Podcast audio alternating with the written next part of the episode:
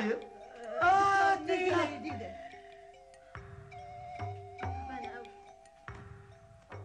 فؤاد عبد العزيز مدرس التاريخ. أنا التاريخ كله وأحذركم من الآن. الفئران آتية. احموا الناس ودوها- الجناح،. ودوها الجناح. حاضر على امرك دكتور الفئران آتية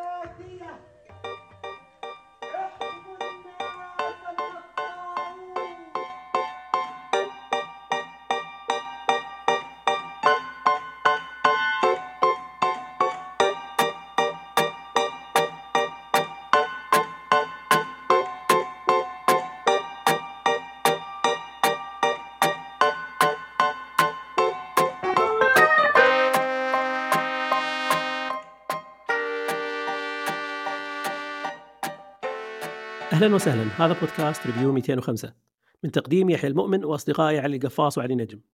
في هذه الحلقة راح نراجع رواية الطاعون أو The Plague للفيلسوف والروائي الفرنسي الجزائري ألبير كامو. وكما جرت العادة فالحلقة بتنقسم لقسمين. قسم أول راح أقدم لكم إياه أنا يحيى المؤمن بدون حرق، راح أعطيكم فيه نبذة عن الكاتب والرواية. بينما القسم الثاني راح يكون عبارة عن نقاش مطول مفصل عن أحداث الرواية ورأينا فيها. أتمنى تعجبكم الحلقة ولا تنسونا من ال like وال share وال subscribe. يلا نبتدي. ألبير كامو الحائز على جائزة نوبل للأدب هو واحد من أهم فلاسفة القرن العشرين. يتم تصنيفه ضمن الفلاسفة الوجوديين بالرغم من رفضه لهذا التصنيف مرارا وتكرارا. مقالاته ورواياته دائما ما تتمحور حوالين موضوع العبثية ولها طابع سوداوي نسبيا. عرف كامو العبثية في مقاله الأشهر أسطورة سزيف على أنها حالة التناقض بين رغبة الإنسان أو الفرد بالبحث عن معنى مقابل كون خالي من المعنى حسب تعبيره. وهذا الموضوع متكرر بأشكال مختلفة في أعماله الفنية والمسرحية. فهو الموضوع المحوري في مقاله أسطورة سيزيف أو The Myth of Sisyphus مثل ما ذكرت وفي روايته الأشهر آه، المعروفة بالغريب أو The Stranger وكذلك تظهر هذه الفكرة بصورة جديدة في مقال الثائر أو The Rebel والرواية اللي راح نناقشها اليوم The Plague أو الطاعون. رواية الطاعون هي رواية خيالية تدور أحداثها في مدينة وهران أو أوران الجزائرية. توصف هذه الرواية تفشي الطاعون في وهران ابتداء من ملاحظة تزايد موت الفئران وتزايد جثثها في ضواحي المدينة وثم انتشاره بين المواطنين والمقيمين بشكل مرعب وتعامل الأفراد والمجتمع مع هذا الوباء. تقدم هذه الرواية من خلال الطاعون دراسة مستفيضة لمواضيع متعددة بعضها فلسفي مثل العبثية ومعضلة الشر، وآخر اجتماعي مثل الطبقية والنزعه الفردانية والتماسك الاجتماعي ودور المؤسسات واللجان التطوعية، وبعضها سياسي واقتصادي من خلال قرارات الحكومة واثرها على حالة المدينة والأفراد الاقتصادية. كل هذه الأحداث يتم تقديمها على شكل مذكرة كتبتها شخصية شهدت هذه الجائحة في الرواية.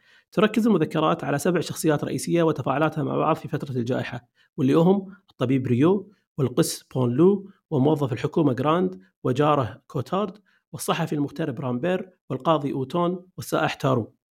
أعمال كامو عادة تحتوي على مستويات متعددة من المعنى فبالرغم من أن رواية الطاعون تصف بشكل بديع ودقيق للغاية موضوع الوباء لكن في طياتها رسائل وتعليقات أكبر عن الحرب والأفكار الشمولية وواقع أوروبا في زمن كامو. وإشارات أخرى عن واقع الإنسان بمعزل عن المكان والزمان.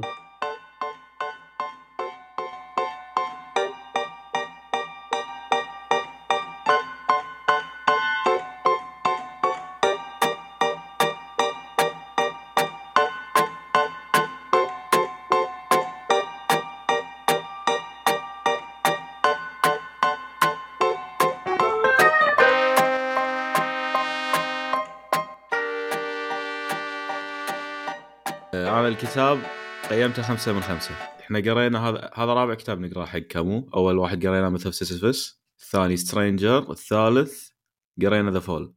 هذا اقيمه يعني خل Myth of Sisyphus كونه مو رواية.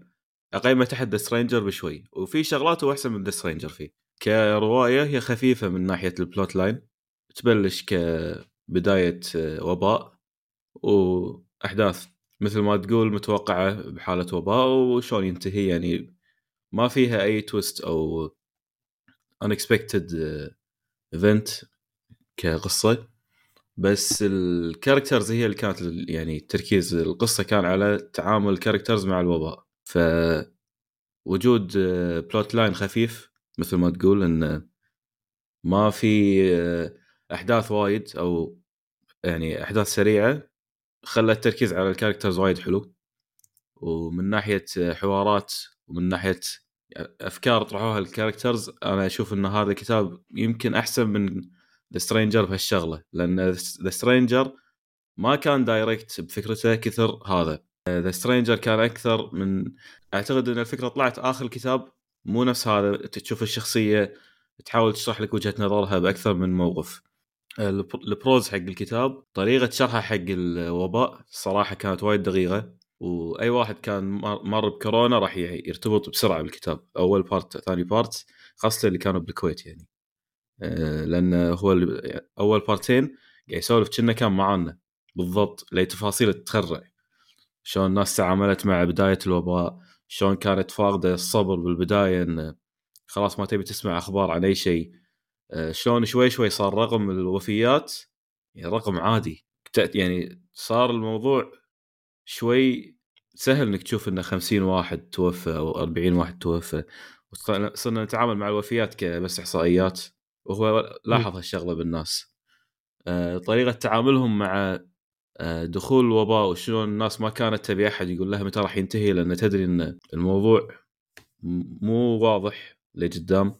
وهم من منها بداية الكتاب آه، شرح إن شلون كبداية تبلش تقيم الشغلات اللي كنت تسويها يوميا بدون يعني بدون لا تحس بقيمتها. فاي واحد كان بالكويت كان راح يرتبط مع أوران بسرعة لأن فعلا إحنا عشنا وضع جدا جد- جدا مقارب. وأوران أساسا كمدينة وكشرح كانت تقريبا من الكويت يعني مدينة ما فيها أعشاب وايد على قولته رمادية. الناس فيها هاديين ما فيهم أوجه فرح زايدة أماكنهم كلها تجمعات ما أدري ليش اوران ما عندهم إلا كافيهات وسينما.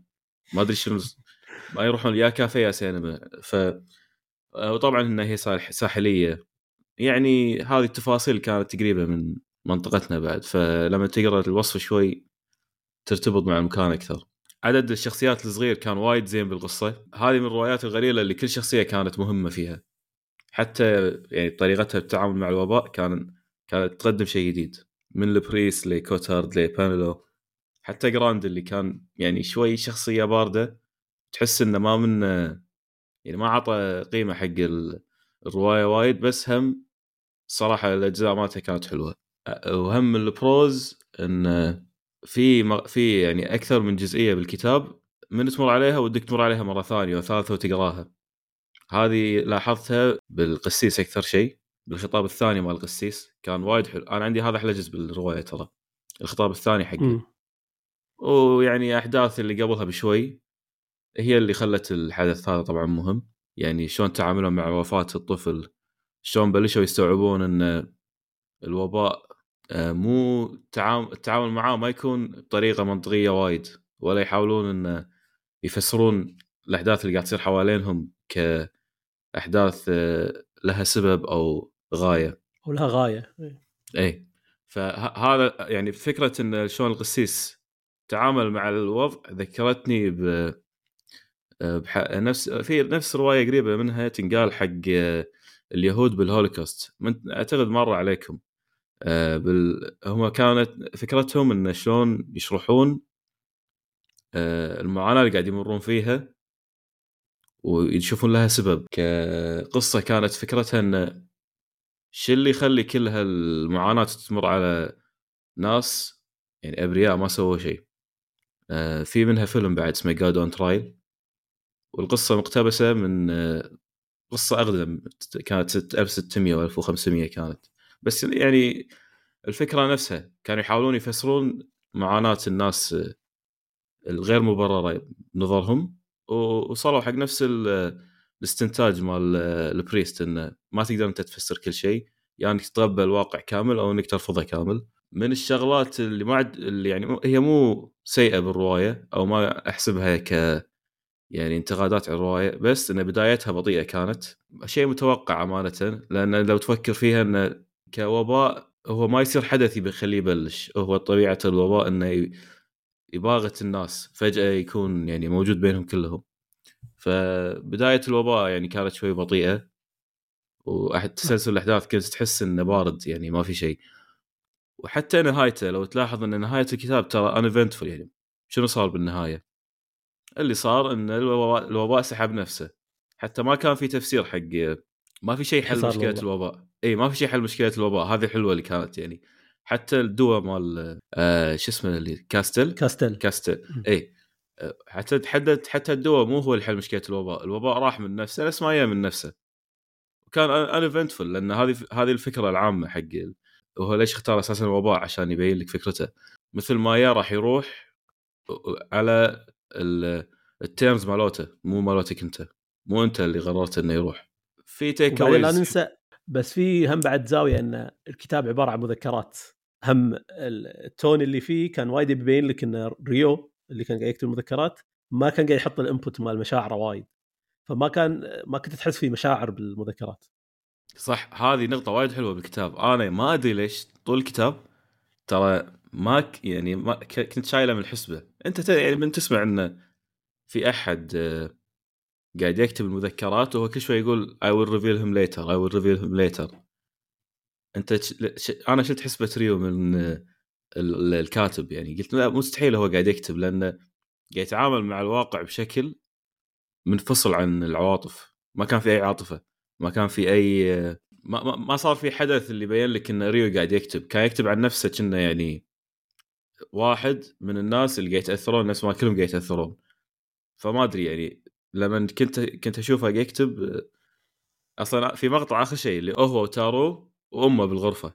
تارو مات قاعد يقول زي منو قاعد يكتب؟ أنا عبالي تارو قاعد يكتب طول الفترة. فقلت أكيد. أمه قاعد تكتب يعني ليش حاط أمه بالقصة؟ بعدين استوعبت لا هي واضحة إن اللي قاعد يكتب ويعرف كل هال details هو الدكتور. يعني شلون أصلا مو الدكتور اللي قاعد يكتب؟ بس فكرة إنه هو كان فاصل نفسه عن العواطف كان يبي يكون موضوعي بالكتابة. أنا أصلا صدق صدقت إنه مو هو اللي قاعد يكتب مستحيل واحد يكتب كذي. فهذه كانت وايد حلوة صح ذكرتني فيها. عموما ال takeaways انه كان مو طريقة كتابته نفس The Stranger و The Fall و شو اسمه مثل سيسيفس وايد حلوة بشرح المشاعر وشرح الأماكن وشرح الأحداث. طريق عنده طريقة معينة انه يكتب فيها جملة يعني ما أدري شلون يبلشها وينهيها بس انه عنده style ثابت. وال style هذا وايد حلو مع إنه شوي ثقيل. آه، أمانة كتب. كامو أنا ما أتوقع إن الواحد يقراها مرة واحدة ويقول أنا فهمتها. وهالكتاب included يعني. ما أنا أعطيته خمسة بس لما أعطيته خمسة قاعد أقول أنا هل فهمتك للحد ماله؟ يعني أنا يعني ما أشوف نفسي إن فهمت الكتاب للحد اللي المتوقع من من الناس تاخذه منه. ما أدري يعني شلون أقولها بس إنه في أحس انه في layers أكثر بالكتاب أنا وصلت لي. لأن قريته مرة واحدة. يمكن لو أقرأه مرة ثانية. مرة ثالثة راح أفهم منه أكثر. وهذه موجودة بكل كتب كامو أنا ما قريت كتاب حقي قلت okay فهمت الكتاب بمشي. لا هو كتبه يعني second read third read لازم. أنا ما أدري منو أعطاه تفاصيل الوباء بس يا إنه هو عاش بوباء يا إنه في أحد مغششه لأنه مستحيل الدقة اللي قالها. أنا خر... خاصة بأول با- بارتين الدقة اللي قالها يعني مستحيل يا جماعة هذا معنا كان ولا كل شيء قاله صار. كل شيء لأبعد الحدود. شلون الناس تتعامل مع لما واحد يحوشه لا يعني التفاصيل هذه مستحيل جاية من واحد ما عاش وباء أنا ما أتوقع إنه هو مؤلفها زين لا هو درس الأوبئة أعتقد اللي فاتت. قاعد مع ناس أعتقد يعني متخصصين دراسة الأوبئة. فمن كذي عندنا معلومات وايد على هالموضوع. ما أدري بس لا أنا أنا هني يختلف. هو حتى لو تقعد مع ناس دارسة أو بقى ما يقدر يعطيك شعور الناس لما يقعدون ببيوتهم وفي وباء برا ويطالعون الشارع.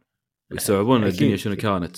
يعني منظر شلون الشارع يصير فاضي بوقت وباء هذا مو شيء تدرسه أنت عرفت؟ هذا شيء أنت تعيشه. مم. لما يقول لك إن أنا طالعت الشارع وهني كان في سيايير وايد والشارع الحين فاضي اللي طاوة تمشي فيه. هذا ترى يعني تفصيل خيالي. أنت لما تذكر كورونا وشلون الديرة فضت فضت فضت يعني.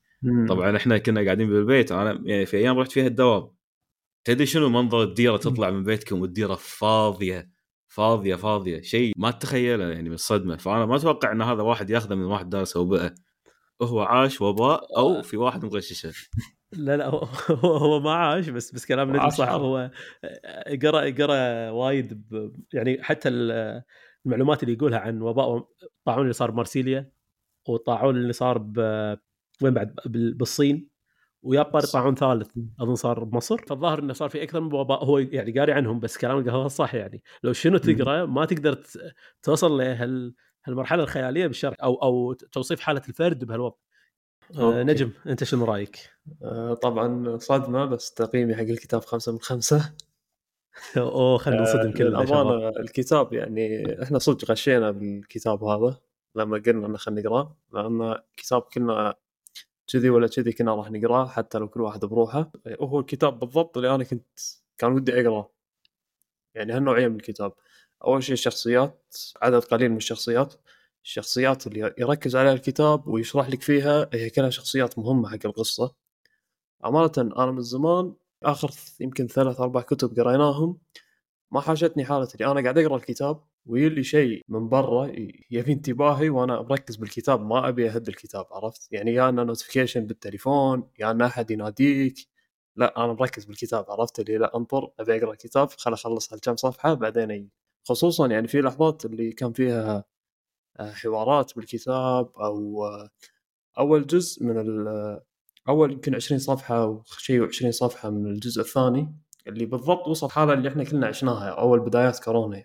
اللي قاعد يشرحها بالضبط اللي إحنا مرينا فيه الأمور اللي إحنا مرينا فيها الأفكار اللي جت حق الناس.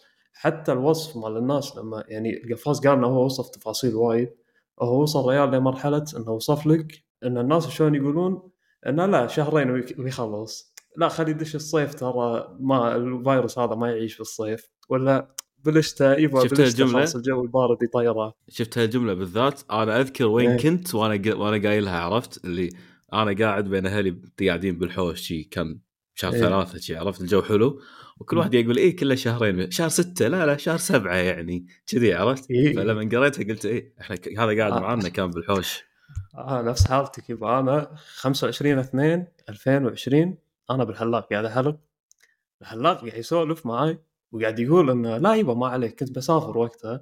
قاعد يقول لي لا يبا ما عليك. الصيف يطيره هذا كله. ما يتحمل حرارة الصيف خصوصا صيفنا هني بالكويت عرفت؟ لا لا شيء شيء قوي الصراحة. حتى ال- ال- شلون ينتهي الوباء هو يابا بطريقة وايد صح عرفت؟ إنه هو أنا طول ما أقرأ قاعد قاعد أقرأ كتاب قاعد أقول إنه okay هو يعني نهاية الوباء لا يكون بتكون ان الله إنه والله بس في ال- العلاج مال الكاستر وخلاص بيخلص الو- الوباء كذي فجأة هذا بيشتغل وبيخلص الوباء.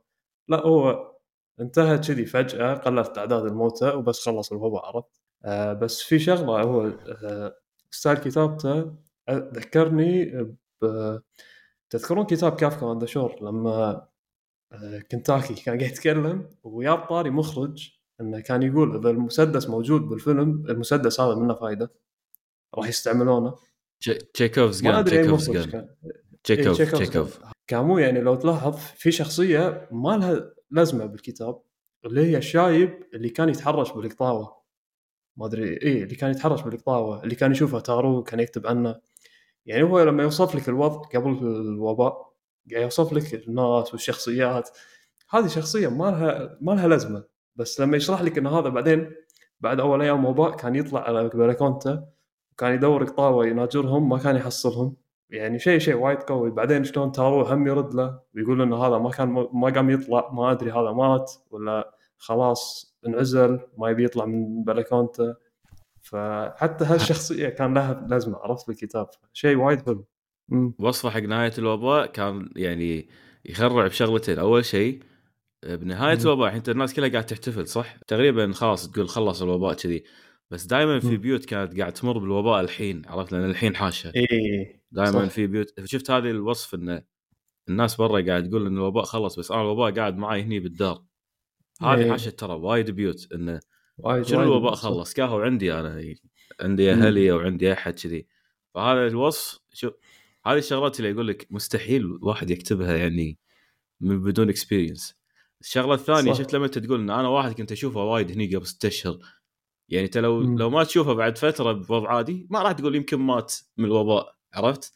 بس أمم. هو لما ما شاف الشايب قال شكله مات في الوباء شوف له شوف الاحتمالية شلون تصير بعدها شيء فهذه. هذه التفاصيل الدقيقة أنا ما شفت نفسه أساسا يعني الكتاب لو الحين واحد يقول لي أبي أقرأ كتاب حق كامو أنا راح أعطيه The Plague ما راح أعطيه ولا كتاب ثاني لأن أنا متأكد إنه راح يرتبط معاه لأنه مر بكورونا هذه نقطة إيه الشغلة الثانية الكتاب وايد direct من ناحية شنو يبي الفكرة اللي بيوصلها؟ ترى لو تدش يوتيوب على هالنقطة وتكتب اسم الكتاب بس reviews هالسوالف راح تحصل. أغلبية الفيديوهات راح تحصلها آخر سنتين عرفت؟ أنا أتوقع أي أي book club بالدنيا كان موجود ذاك الفترة تيجي الفترة لازم كان يقرأ هالكتاب. شيء هو صار. sold out ترى. صار sold out يعني سمعت. معلومة. لازم. إي يعني من من كورونا صار sold out كتاب مم. مكتوب متى؟ سنة كم؟ 47 ما ما أدري متى يعني 47 48 دقة الوصف يعني تخليك تشك إنه شنو يعني هل البشر يتعاملون مع نفس الشغلات بنفس الطريقة بالضبط اللي قبل 60 سنة؟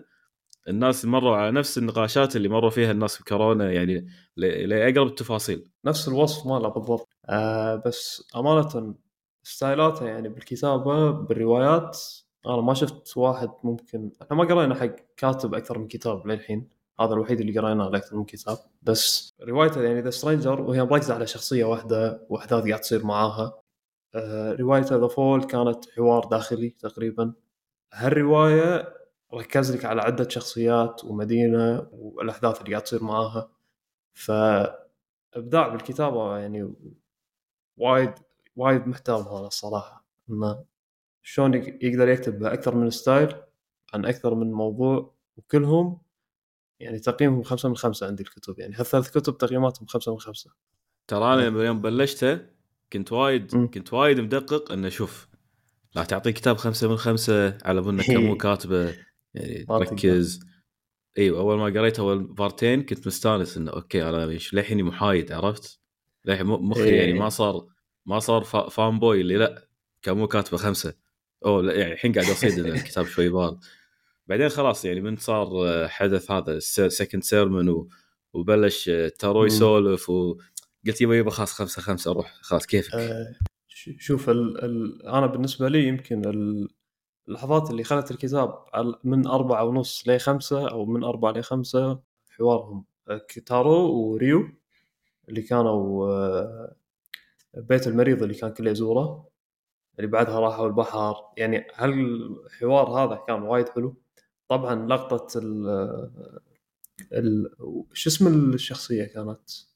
اللي ولده يموت. أوثن. أوثن، أوثن. أوثن هذا ال- الولد يعني لما الشرح اللي حط لك إياه لما الولد قاعد يموت يعني هو مر على وايد شخصيات تموت ترى بالكتاب بس هالحالة بالذات حط لك عذاب ياهل وشرحها بطريقة ما أدري شلون بس وايد تأثر باللي قاعد يقرأ عرفت؟ يعني أمانة الكتب مو نفس الأفلام لما تأثر بالواحد. لما تقرأ الكتاب تأثر تدري إن الكاتب وايد شد حيله. أنا بسألك جدا عجبني. بسألك الحين. رامبرت بدايته. مع مع ريو كان يقول له يعني أنا ماني قاعد ليش أقعد هني؟ أنا هذه مو ديرسي ما عندي شيء انطره هني. فكان يقول لنا لا في وضع عام والناس لازم تقعد عشان الوباء ما ينتشر.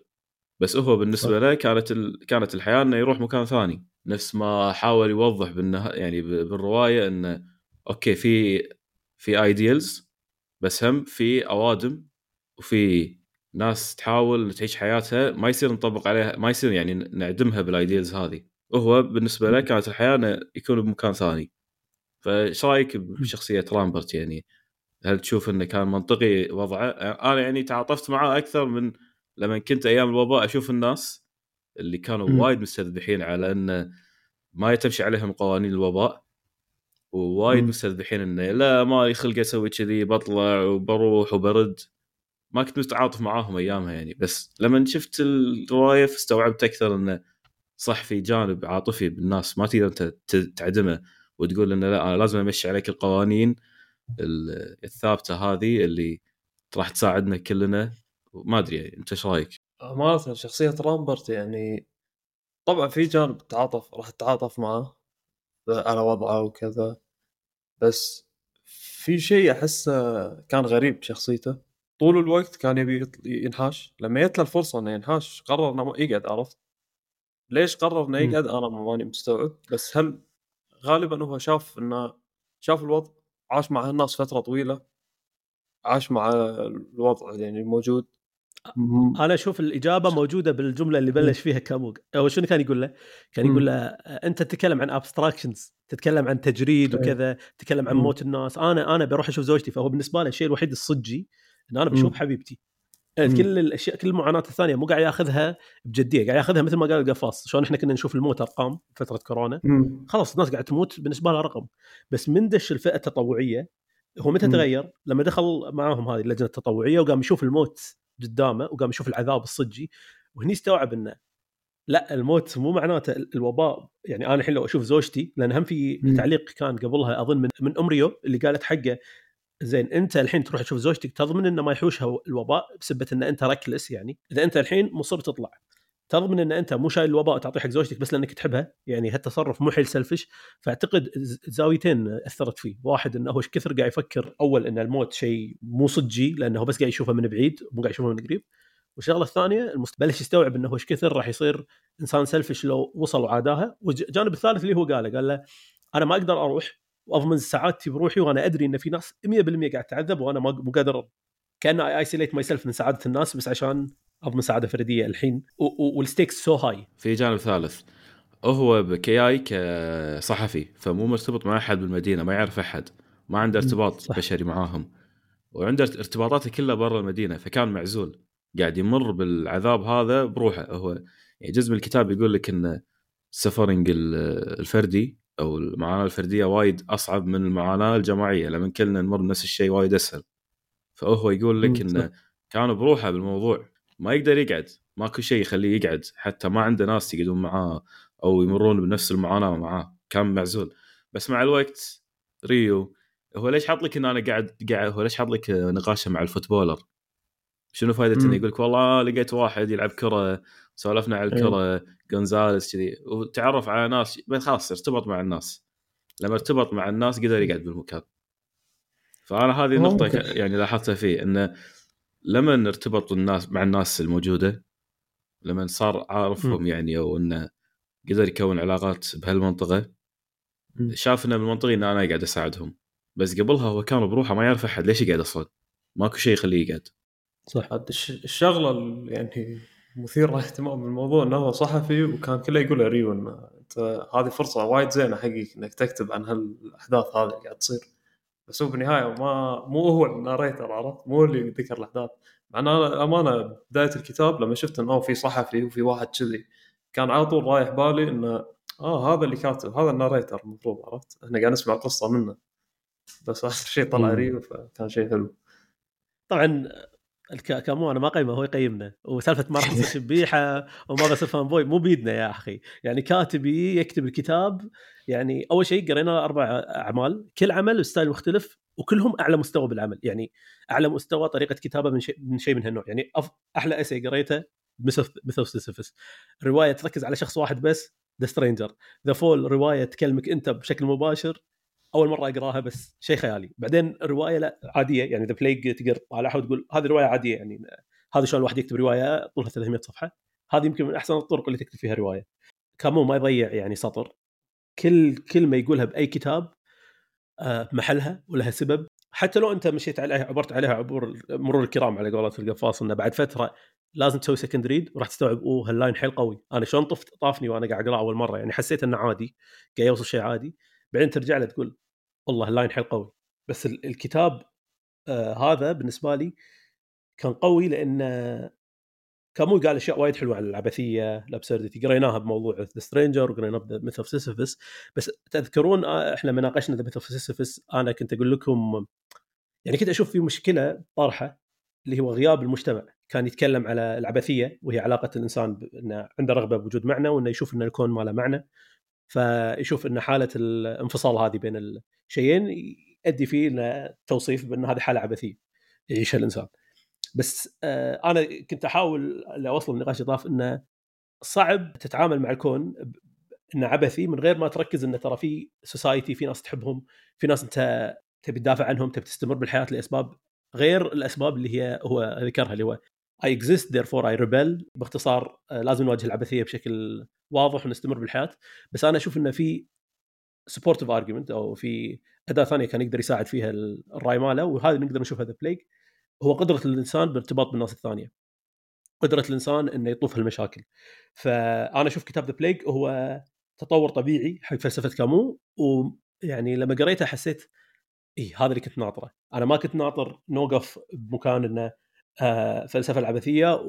والإنسان يعيش. بشكل فردي بشكل تام ومو قادر يعني أنا كنت راح أستغرب لو كامو ما تكلم عن الأخلاق بشكل أو بآخر مع ان كامو ولا مرة يعني على حسب حتى هو وصفه حسب أشياء وايد قريتها عنه هو ما أسس لفلسفة أخلاقية واضحة لكن واضح عنده sense of شلون ال morality لازم تكون وهذه هذه رواية The Plague The Plague هو سؤال مو بس العبثية على مستوى الفرد بل هي العبثية على مستوى الجماعة وشلون نقدر نتصرف مع هالعبثية وهنا راح نشوف بين قوسين اللي هو تقريبا الفكرة اللي يحاول يدافع عنها اللي هي ال solidarity أو التماسك أو إن تكافل اجتماعي. انه بالرغم من العالم عبثي لازم يكون في تكافل اجتماعي عشان تستمر الحياة عشان نواجه هذه العبثية. أنا كتاب The Plague وايد كنت قاعد أحاول أفكر ليش هو اختار ال plague شنو معناته شنو المعاني؟ وقفاز قال إحنا ما راح نقدر نفهم قولتهم عمق الرواية لأن الرواية فيها وايد طبقات. بس ميزة The Plague أول شيء ميزة كامو. كامو لما يتكلم بموضوع إنسان واضح حيل يعني سواء إحنا عرفنا المعنى الباطن اللي كان قاعد يحاول يقوله ولا لا روايته بنفسها comprehensive بنفسها كذي لو تأخذها كوحدة واحدة مفهومة منطقية متماسكة. فهذا الشيء يخلي كتابة كامو خيالية. فأنا اللي بقوله إنه مو مهم إنك تفهم ال layers كلها أو أو حتى كامو ممكن مو قاصد كل ال layers إحنا مرات نحمل النص أكثر من اللي هو يتحمله. ففي ناس تقول إن كامو كتبها ك allegory أو ك metaphor أو كرمزية على فكرة آه، الحرب خصوصا ال siege اللي حاشهم لأنه هو عاش الحرب العالمية الثانية وهو نشر بعد الحرب العالمية الثانية وال siege اللي حاش فرنسا واستغل The Plague عشان يتكلم عنه آه يعني يتكلم عن هالفكره بس هو الحلو فيه بالكتاب إنه استخدم ال plague أو الطاعون كتوصيف عام حق كل حق قضايا وايد مو قضية واحدة. يعني هو مثلا عنده رأي بالإعدام هو ضد الإعدام. تقدر تشوف بالرواية دافع عن رايه ضد الإعدام باستخدام فكرة الطاعون. آه، تقدر تشوف إن الطاعون نفسه مع إن أنا متأكد إن كامو ما كان كاتب رواية الطاعون عشان يوصف وباء يعني هو كان يبي يوصف شيء ثاني.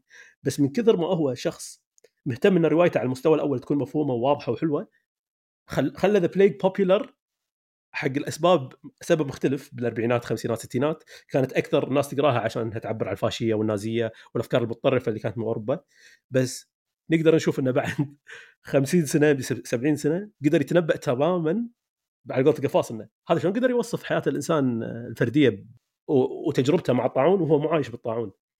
وهذا الشيء الجبار بكامو. كامو مو لازم يعيش في شيء عشان يقدر يتوقع شلون الإنسان آه، يقدر يسوي react وهذا أقوى مدح أقدر أقول حق كامو. هو تماما يقدر يوصف الإنسان وتجربته برواياته بعيدا عن ال layers الثانية اللي هو قصده فيها فتحس روايته متماسكة تقدر تفهمها على مستوى أول وبعدين تصير relevant بعد سنوات على سبب ال surface level أو الشيء الواضح من الرواية اللي هو إيه قاعد يتكلم عن الوباء therefore بعد 70 سنة الناس راحوا قروها عشان الوباء. بينما هو مو هذا الأساس اللي كان قاعد يكتب عليه وهذا هذه من كثر ما أن رواياته متماسكة واضحة وتنبؤاته على تصرفات الناس كفرد أو كجماعات مع المواقف ممتاز حيل. فتقدر آه، relate أو تقدر تحس بالشخصيات هذه أو الأفكار بالرواية. آه، أنا فكرت وايد شنو معنى The Plague بس أحس إن The Plague بالنهاية boils down to one idea الموت. الموت شيء حتمي وراح يصير. اللي أنا أحس إن رواية The Plague كانت قاعد تحاول تسويه قاعد تسوي confrontation حق فكرة الموت بس بشكل saturated حق مجموعة، شنو يعني saturated؟ بشكل مركز. يعني هو شنو اللي كامو يحاول يقوله بالغريب أو The Myth of إن إحنا كلنا راح نموت، تفرق متى راح نموت؟ آه فأنت تقدر تفكر عليه فيها من شكل فرداني إنه هل تفرق متى راح نموت؟ إحنا كلنا ميتين. آه بالنسبة له هو المعنى غايب فهل هل تسوى الحياة إنك تستمر فيها؟ الموت راح يجيك راح يجيك. بس فكرة The Plague سوى enhancement حق الفكرة. قال okay إذا أنت كفرد you wanna reject كامو يعني أنت خلينا نقول أنت شخص ألف تقرأ The Myth of Sisyphus أو آه تقرأ The Stranger وتقول okay إيش يبي يعني. إحنا ناس أصحاء وماشيين ماشيين حياتنا. فهو أنا أتوقع إن The Plague كانت هدفها إنه يسوي saturation أو يسوي تركيز على فكرة الموت على جماعات وايد. okay أنت تقول إن الموت شيء بعيد. شلون لو احطكم سيناريو كلكم راح تموتون بشكل قريب؟ شلون راح تشوفون الحياة؟ وهني تلاحظ الأشياء اللي قالها القفاص إنه الإنسان يضطر يسوي الشيء اللي قاله كامو اللي هو أنت لازم تركز على الواقع. لازم تركز تماما على غياب المعنى. لازم تركز تماما على العبثية. ما عندك خيار. خلاص انتهى انتهت الخيارات. لما كان ما في plague عادي كان الإنسان يقدر آه، يطوف انه هو عايش بروتين وهو مو قاعد يركز على حياته مو قاعد يركز على إن الموت جاي آه، مو قاعد يركز على عبثية الكون غياب العدالة آه، كل هالأشياء مو قاعد يركز عليها. فالقصة حطت الكل تحت وطأة الموت انه ترى الموت ترى يقدر يجي أي وقت وإنت بالبداية ناس بونلو تطلع تقول لا لا لا الموت يا لأن إحنا ناس مذنبين. بعدين توريك الحياة بعد ما تستمر حالة الموت العشوائية هذه والمتركزة انه لا الموت ما له تفسير. وحالة الإنسان من الحياة للموت حالة غريبة وغياب العدالة جدا واضح اللي قامت تأثر بال- بالقس قامت تأثر بالشخصيات نفس الشخصية اللي تحب والشخصية ال selfish نفس رامبير قامت تأثر حتى بشخصية شخصية شخص آه، مجرم نفس كوتارد. الخلاصة اللي أقدر أطلع منها إن The Plague رواية هدفها ان تحط المجتمع كله تحت وطأة الشيء وهني من من خلالها تنبع الفلسفة الثانية اللي هي فلسفة الأخلاق اللي قاعد يحاول يأشر عليها. لما تواجه مع هذا كله لازم تقبل بواقعية العبث الموجود بالكون. وهذا اللي تشوفه بالنهاية. كل الشخصيات اقبلت بالعبث الموجود بالكون. والعبثية مو بالضرورة معناتها سوداوية أو معناتها إنك أنت راح تموت. على سبيل المثال رامبير. رامبير الشخص اللي بسبب العبثية بالنهاية وصل حق مرته. قدر يوصل حق حبيبته. بس بالمقابل شخص ثاني نسترو متقبل العبثية مات. ومو لأن هذا تقبل العبثية وهذا اختلف عليها بالنهاية كلنا تحت آه، على قولتهم تحت وطأة هذا الشيء وتحت آه، سيطرة الموت. بأي وقت يجيك وبس انت متجاهله طول المدة. ف يعني أقصد إنه بالنهاية برواية اللي الشيء اللي قاعد يأشر له أعتقد اللي يقول لك بالنهاية الناس ممكن آه، ممكن تطوف عليها فكرة الأوبئة وتحس إنها ما راح ترجع بس ترى مردها راح ترجع. وهنا أنا أتوقع قصده إنه yes you have to be aware إن الموت آه، فكرة حتمية والموت ما يفرق والعبثية موجودة. فأحسن إنك تركز وت- وتلاحظ هالشيء بالكون وتتصرف بشكل متسق مع هالشيء. بالتالي ما تتبع جماعات آه، من غير ما تفكر تفكير نقدي. بالتالي الحياة الأشياء اللي بيدك تستانس فيها قدر المستطاع.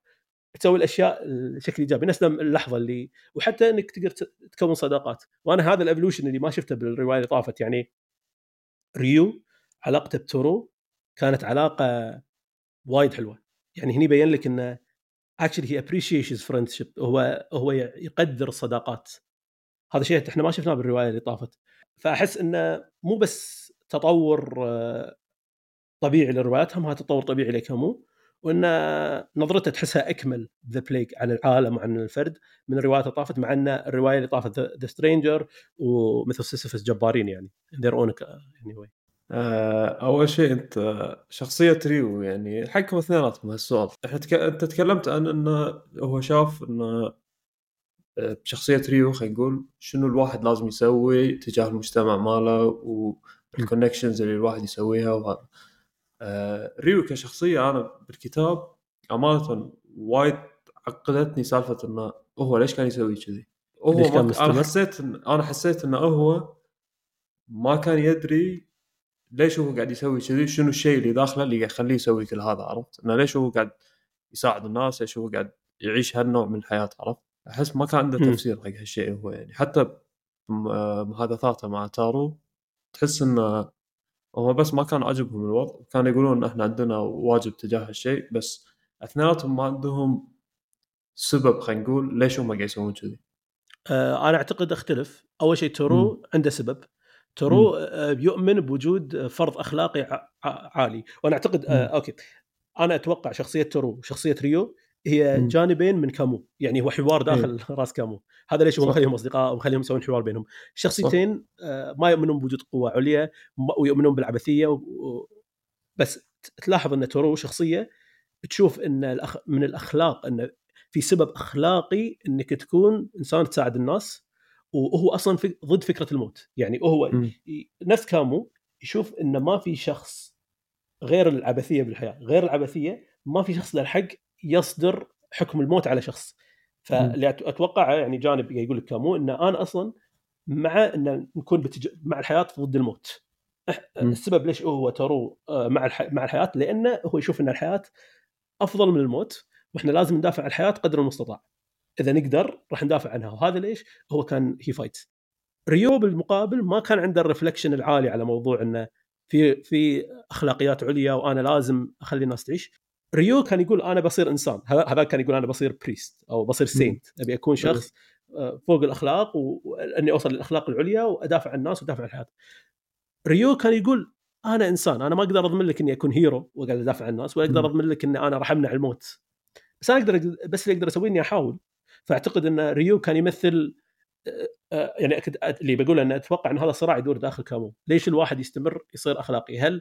لأنه بس هو قاعد يروح بالأيام يعني كشخص ما عنده reflection وايد وهاي تحسب ريو ريو is not reflecting a lot على عمل ماله قاعد يعيش بالحاضر ويتعامل على أساسه. بينما تورو لا عنده عنده نظرة كونية يقول لك لا أنا لازم أحاول قدر الإمكان أدافع ضد الإعدام لازم أدش بجماعات أدافع ضد الإعدام أنا ضد الموت أنا راح أحارب الموت لأن الموت هو الشر أنا أبي أحارب الشر.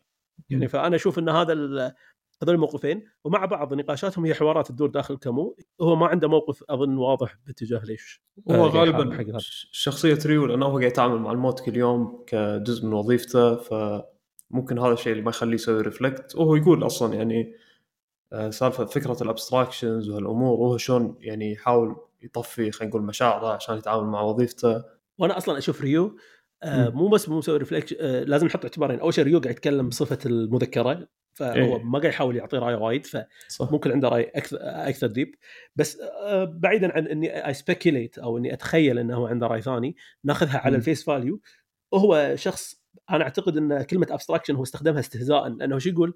يقول أنا. أصلا مو مهتم بال abstractions أنا مو مهتم بشيء تجريدي شيء ما له ما له وجود بالحياة أنا مهتم. بالواقع شخص قاعد يموت راح ادافع عنه. و decency is all there is إن إحنا بس نقدر نحاول نصير زينين مع اللي حوالينا ونتماسك مم. كمجتمع ريو أنا أتوقع جزء من انه دكتور واعتقد وايد دكاترة نفس الفكرة إنك أنت تكون دكتور هذا شيء يعرضك إن أنت تعيش أسوأ يوم بحياة أحد كل يوم عرفت؟ أنت كل يوم راح تروح. الدوام راح تشوف حالات راح تشوف ناس بأسوأ مكان هم في يكون ممكن يكونون فيه فمسألة إن الدكتور يكون عنده آه، فصل مشاعر بالمشاعر من الناس اللي يشوفها بالدوام للناس اللي يشوفها برا هذا شيء ضروري. يعني حتى أم آه، الدكتور كانت لما يرد في أيام تلقاه إنه منهك. عرفت إنه طايف الليمت ماله. هو مو إنه مو قاعد يحس بس إنه هي وظيفته ووظيفة الدكتور بشكل عام. حتى كنت كنت أحاول أسأل الدكاتره شلون يتعاملون مع هالشيء بس سؤال صعب يعني. أنت لو. تفكر فيها كل يوم أنت تروح المستشفى وتقابل ناس قاعد تمر بأسوأ أيامها وانت جزء من أسوأ ايامها فما تقدر ترد البيت تقول أنا ما تأثرت. مستحيل. فلا هو ما أتوقع إنه ما ما يتأثر. أتوقع هو إنه يدري إن دوره بالمجتمع إنه يفصل تأثيره هذا ويطفيه فترة معينة عشان يقدر يساعده كثر ما يقدر. تعليق بسيط على ريو أنا أعتقد حتى هو ما عنده خيار يطفيه ولا لا. هو وصل مرحلة قام ينام ثلاث ساعات الريال. يعني أنت إيه. لما المخ شلون يشتغل إذا أنت تنام ثلاث ساعات؟ هل can you can you comprehend بعدين هو يقول لك بالبداية كان يتأثر. كان لما يجون الناس ويترجونه ويقولون له انقذ بعيالنا وهذا يقول كان هو ماخذه بشكل جدي. يقول بس. في لحظه لحظة معينة تغير هالشيء لأن الموت صار شيء مكرر. وأنا أعتقد هذا اللي إحنا شفناه.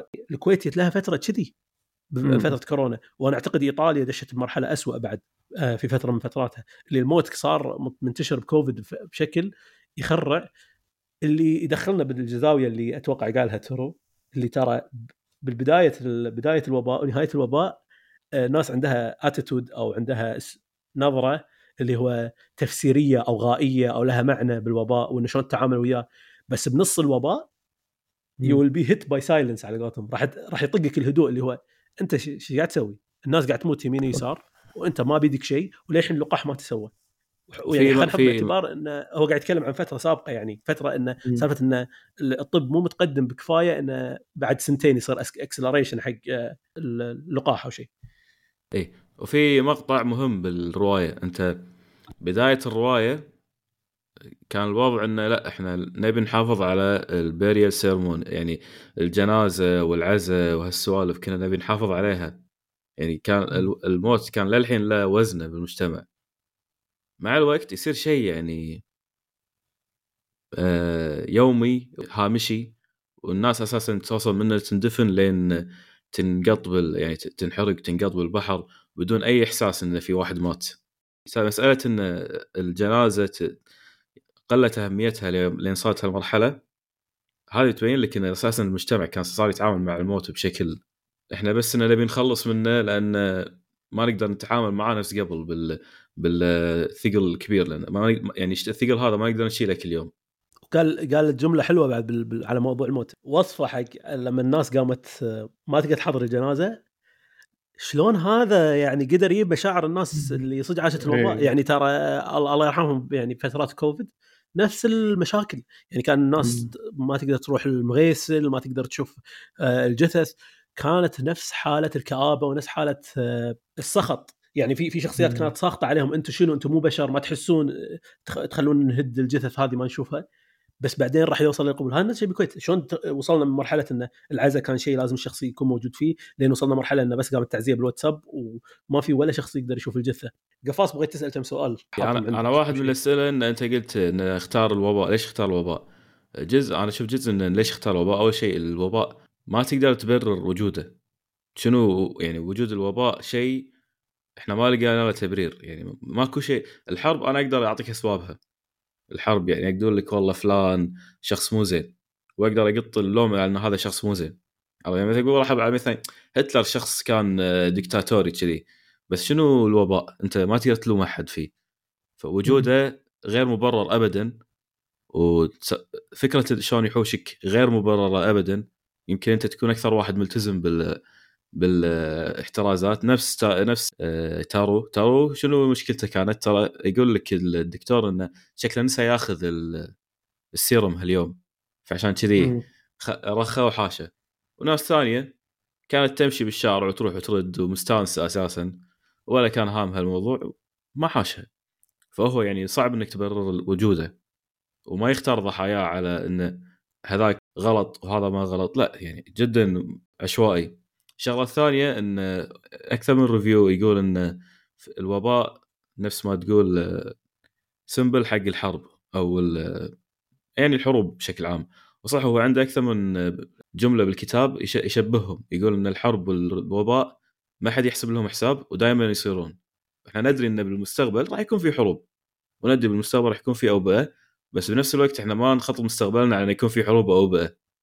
يعني هذه الفكرة إن إحنا ما نقدر نخطط على حق هالشيء مع ان ندري إنه راح يكون موجود. منو يقعد الحين يطلع من كورونا ويقول إحنا لازم نخطط حق الوباء الجاي؟ شفتوا منظمة الصحة العالمية قالتها من ست أشهر وشبوا عليها الناس أنت شكو تقول كذي؟ يا أخي هو بقى يقول لك إنه إذا صار مرة ثانية بس. أنت شنو مشكلتك يعني؟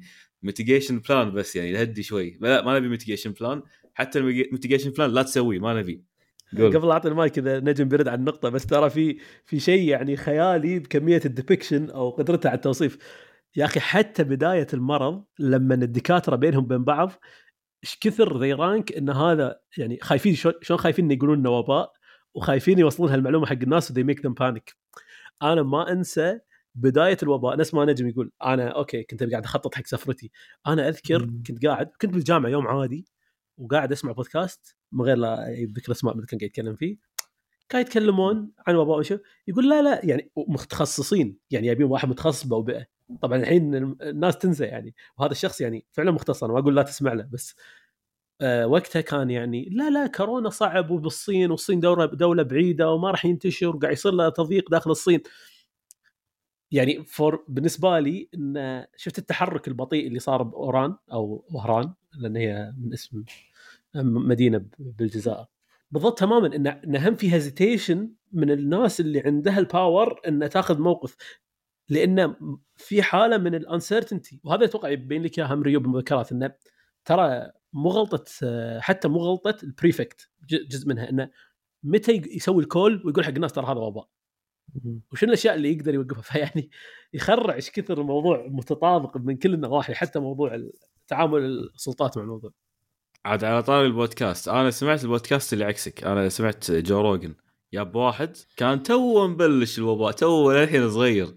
ويجيب واحد يسولف يقول لك شوفوا يا جماعة إحنا راح نقعد سنتين بوباء. هذا أسوأ سيناريو ممكن يصير. كورونا فايروس شيء يعني ما ينصاد. وإحنا يعني ال ال ال ال infection rate ماله عالي وال symptoms مالته صعبة تصيدها. عطى عطى شرح واقعي حق كل اللي راح يصير.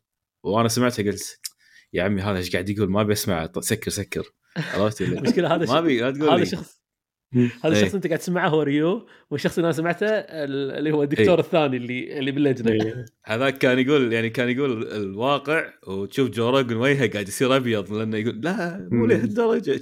لا لا هذا قاعد يقول لك الواقع إنه شوف كوفيد فيروس صعب وهذا الفيروس التحور فيه صاير هني فما راح يضبط معنا يمكن ما يضبط أصلا معنا اللقاح يمكن يطول أكثر ويقول لك كذي وأنت قاعد تسمع تقول ليش قاعد تقول لي كذي؟ خلني أعيش الوضع وأنا ما أعرف يعني. يا أخي هي الفكرة اللي صدق قوية اللي قالها يقول إحنا نتوقع يمكن يصير وباء نتوقع يموت أحد نتوقع كل هالأمور السوداوية تصير بس ما حد يتوقعها عنده. هذا وايد ينطبق على الكويت يا أخي صدق.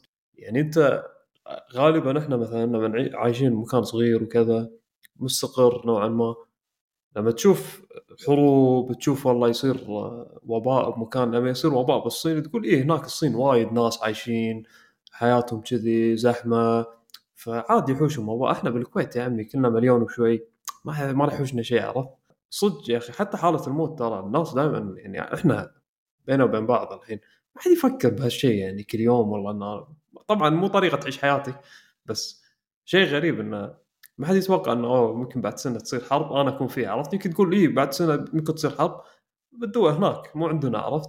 مو عندي أنا مو بمدينتي مو أنا ما راح يكون لي شغل فيها. هاي تقدر تسمعها بأكونت الناس بالحرب ترى بالضبط مثل رده فعلهم بالوباء بس الفرق إنه شورتر بيريد لأن هناك الدبابة راح تشوفها قدام بيتكم بس ترى صح. أول 15 ساعة ترى دائما إيش قاعد يصير؟ اسمع مم. الاكونتس مالت أهلنا بالكويت على لما دخلوا عليهم. امم ترى أول أول يوم تشوفهم بحالة من ع- يعني لا مستحيل مو قاعد يصير هالشيء. في بعد وجه. و... أوجه إيه، شبه ثانية في وجه شبه ثاني إنه هو يح- يحط لك إنه بالوباء تقريبا صار في تقارب بين الطبقات في المجتمع من ناحية الغنى والفقر إنه خلاص كلهم يعني الوباء هني عادل على قولته يساوي بين الكل يحوشك اذا أنت فقير أو غني. وبنفس الوقت يتكلم آخر الكتاب إنه بعد فترة تستوعب إن الوباء كان وايد أصعب على الفقارة لأن الأكل supply الأكل وايد غلى. وحياتهم كانت وايد أصعب من ناحية إن أنا أوفر كل احتياجاتي. وهذه كانت موجودة عندنا ترى بقوة بالكويت بس ما حد كان يتكلم عنها بشكل مباشر. يعني كان في مناطق وافدين يعني معروفة إنها هي فقيرة وصلت مراحل بالسبلاي شيء وايد يخرع. وحس أساسا يعني إحنا كنا نشوفه ونقول يعني هذا لو واحد يحوش شلون يعزل نفسه عن الناس هم كانوا ثلاثة أو أربعة بغرفة واحدة وبيلا شايلتهم فهذه نقطة الشبه بعد انه لما يجي وباء وحتى لما تجي حرب الناس ما تتساوى بالمعاناة لأن فعلا يوم حاشنا كانت. كان الوضع الوافدين بالمناطق الفقيرة وايد وايد أصعب من وضعنا إحنا اللي يعني إحنا قاعد نتحلطم كل واحد بيته وإنترنت. وديسكتوب ونتفلكس شوي الموضوع يضحك لما تسمع. معاناتك ت... اي تسمع معاناتك بعدين تسمع معاناة واحد. مغترب قاعد يفكر أصلا شلون راح أدبر اكل باكر طبعا غير سالفة الأمان الوظيفي وانك تخسر وظيفتك يعني هذا كله ما حاشنا إحنا. في شغلة أو بداية الوباء عنده بالكتاب كان يقول إن يقول الناس ب- يعني بالبدايه حتى ما تبي تسمع مشكلتك إذا تبي تجيب تحلطم على شيء ما حد حاس فيك عادي ساحبين عليك ولا ما يعطونك الرد اللي أنت تبيه. بنص الكتاب تقريبا اللي خلاص بنص الوباء على الأقل يقول الناس بلشوا إنه يحسون بنفس المشاعر عندهم نفس المشاكل عندهم نفس الأمور اللي قاعدين يتكلمون عنها بالكافيهات وغيرها. فصدق هذا شيء يعني كان حلو. آه، شخصيه أنا أتوقع كلنا يازت لنا هالحوار مع بون لو. يا أخي بالبداية كان تصرفه غريب وشفناه. سالفة إنه لا هذا المرض جاي لأن أنتم مجرمين لأن أنتم مو ناس مو أخلاقيين لأن أنتم بعدتوا عن الدين. هذا بالضبط كان النارتيف ببعض المناطق لما ال- الموضوع بلش بالصين قبل لا يوصل لنا. كان لا هذا ما لنا إحنا. هذا المرض جاي لأنه كعقاب إلهي كعقاب كوني على هالناس. ونقلته هو من هالخط لأنه بلش يستوعب إن هذا الخطاب مو نافع ومو دقيق وما يوصف الواقع. كان من أحلى الأشياء بالكتاب إنه وهذا شفناه إحنا. يعني. أول شيء كان خطاب لا هذا ما يجي لنا هذا عليهم هم لانهم ناس مو زينين لانهم ناس مو أخلاقيين وكذا كذا. لكن من بلش وطق الكل صار ما في خيار. يعني هذا الخطاب انحسر وصار الكل وراء الخطاب اللي هو خلينا نمشي على القواعد. خلينا نمشي على على حماية الأفراد. خلينا نمشي على على, اللي قاعد تقوله ال- المؤسسات عشان نطوف الوباء خلاص ما عاد تنفع سالفة إن تلوم الناس وتقول لهم آه، بسبب علاقتك الكونية مع شيء أنت قاعد ينزل لك هذا العذاب مخصص حقك. لا العذاب جاي وجاي على الجميع بشكل عشوائي وغير متساوي وغير مبرر. من الطفل اللي ما سوى أي جريمة لين آه، المجرم اللي آخر القصة طلع آه، ما في شيء.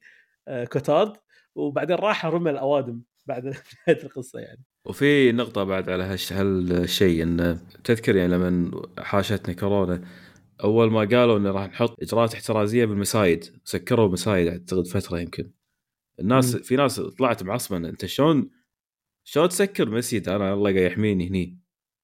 أنت شلون تبيني أحط آه، إجراءات احترازية بمسجد هذا مكان عبادة. بس الموضوع ما ينشرح بهالطريقة. وهذا اللي استوعبوه حتى حتى بانلو استوعبه بالقصة إنه. فهني بلش النقاش ماله على السيرمون الثاني اللي هو الخطبة الثانية. شنو عنوان الخطبة؟ إنه هل القسيس يصير يروح يروح حق الطبيب؟ يعني ليش أنت كقسيس تروح حق طبيب أساسا؟ أنت كقسيس شنو فائده الطبيب حقك. يعني إحنا ليش نحط احترازات بمسجد أو نحط احترازات يعني بأي مكان تعبدي يعني حتى بأكثر الأماكن. التعبدية بالعالم صار في احترازات صحية فهي الفكرة صح. إن أنت لا لا تحاول تفسر هالأمور بطريقتك لأن طريقتك ما راح تتوافق مع الواقع مالك هو هني ما راح تقدر تحل المشكلة ولا راح تقدر تساعد أحد هذا إيه، لا، شيء. لا، ما راح لا. تقدر تحل المشكلة ولا تقدر تساعد أحد طبعا هي مستحيل تحل لك مشكلة لأن هي أساسا مو يعني مو متوافقة مع اللي قاعد يصير قدامك أنت قاعد تحاول توافقها حاول كثر ما يقدر إنه يوافق وفاة الطفل مع اللي قاعد يصير وحاول يبرر الموضوع لين وصل لمرحلة قال أنا ما أقدر هذه شغلة. أنا أقدر أفسر لك ال necessary evil بالعالم بس في ال necessary evil أنا ما أقدر أفسره طريقتي طريقتي. الوحيدة إني خلاص أقبل العالم بكل ما هو باللي باللي يجيني هذه الطريقة هي اللي وصلوا لها الناس اللي كانوا بالهولوكوست أو كتمثيلية يعني. هي تمثيلية جت انه شنو كان ردة فعلهم؟ انهم يحاولون يفسرون ال- المعاناة الغير مبررة بالعالم أنت قاعد تذبح ملايين فقط لو- لوجودهم. فشلون أنا أفسر هالشيء بطريقة تتوافق مع معتقداتي وطريقه طريقتي العامة بتفسير الاشياء واللي وصلوا له ان إحنا ما نقدر نفسره. يعني في عدم توافق كبير والشيء الوحيد اللي نقدر نسويه ان نسلم فيه. خلاص ان ناخذه مثل ما هو. حتى يعني اللي بالهولوكوست تنتهي القصة بان اجتمعوا كلهم وبلشوا يصلون. عرفت؟ إنه هذا الحل الوحيد مالنا. إحنا أصلا ما عندنا حلول. إحنا ما نقدر نسوي شيء. شنو عندنا أصلا غير ان نتقبل الوضع؟ هو بالضبط سواه بانلو يعني آخر القصة استسلم حتى ما قال له ادق على الدكتور لما كان مريض. طبعا تتمنى إن في ناس يسبون له بالحياة بس مو موجودين. اللي هو لما يواجه المشكلة الصجية عين بعين يطلع ويقول الصج. يعني هذه كانت مم. من أحلى المقاطع الرومانسية اللي ما تصير بالواقع إنه يطلع واحد يسبون له ويسوي خطاب ويقول يا يا جماعة عندكم حل من اثنين. يا you reject all يا you accept all وترضى بال يعني حتى مو بس مصيرك يعني تقريبا تودي بإيدك للتهلكة يعني. دامك أنت مصر إن هذا كله planned وهذا كله. مو عشوائي ولا عبثي هذا جاي لأني أنا شخص زين ولا شيء. بس هو كان هم دائما يعقب يقول إحنا ما نقض نفسنا على الوباء. إحنا نحاول كثر إيه. ما نقدر إن نواجهه لكن يعني نتقبل وجوده. ولو تلاحظ إن أساسا بانلو بالقصة نفسه وهو مو حالة عامة لأن اللي طالعين من من الخطبة كان مو عاجبهم الشايب اللي كان يمشي مع ريو وكان معاه ولده. إذا تذكر. المقطع هم هم طالعين من الخطبة كان يقول كان- يقول الشايب إنه كنا قاعد يخورها هذا إيش قاعد يقول يعني؟ بلش يخورها. يعني. كل واحد يحاول إنه يقول إنه لا هذا قاعد يأثر عليه الوباء يعني قام يبلش يغير تفكيره.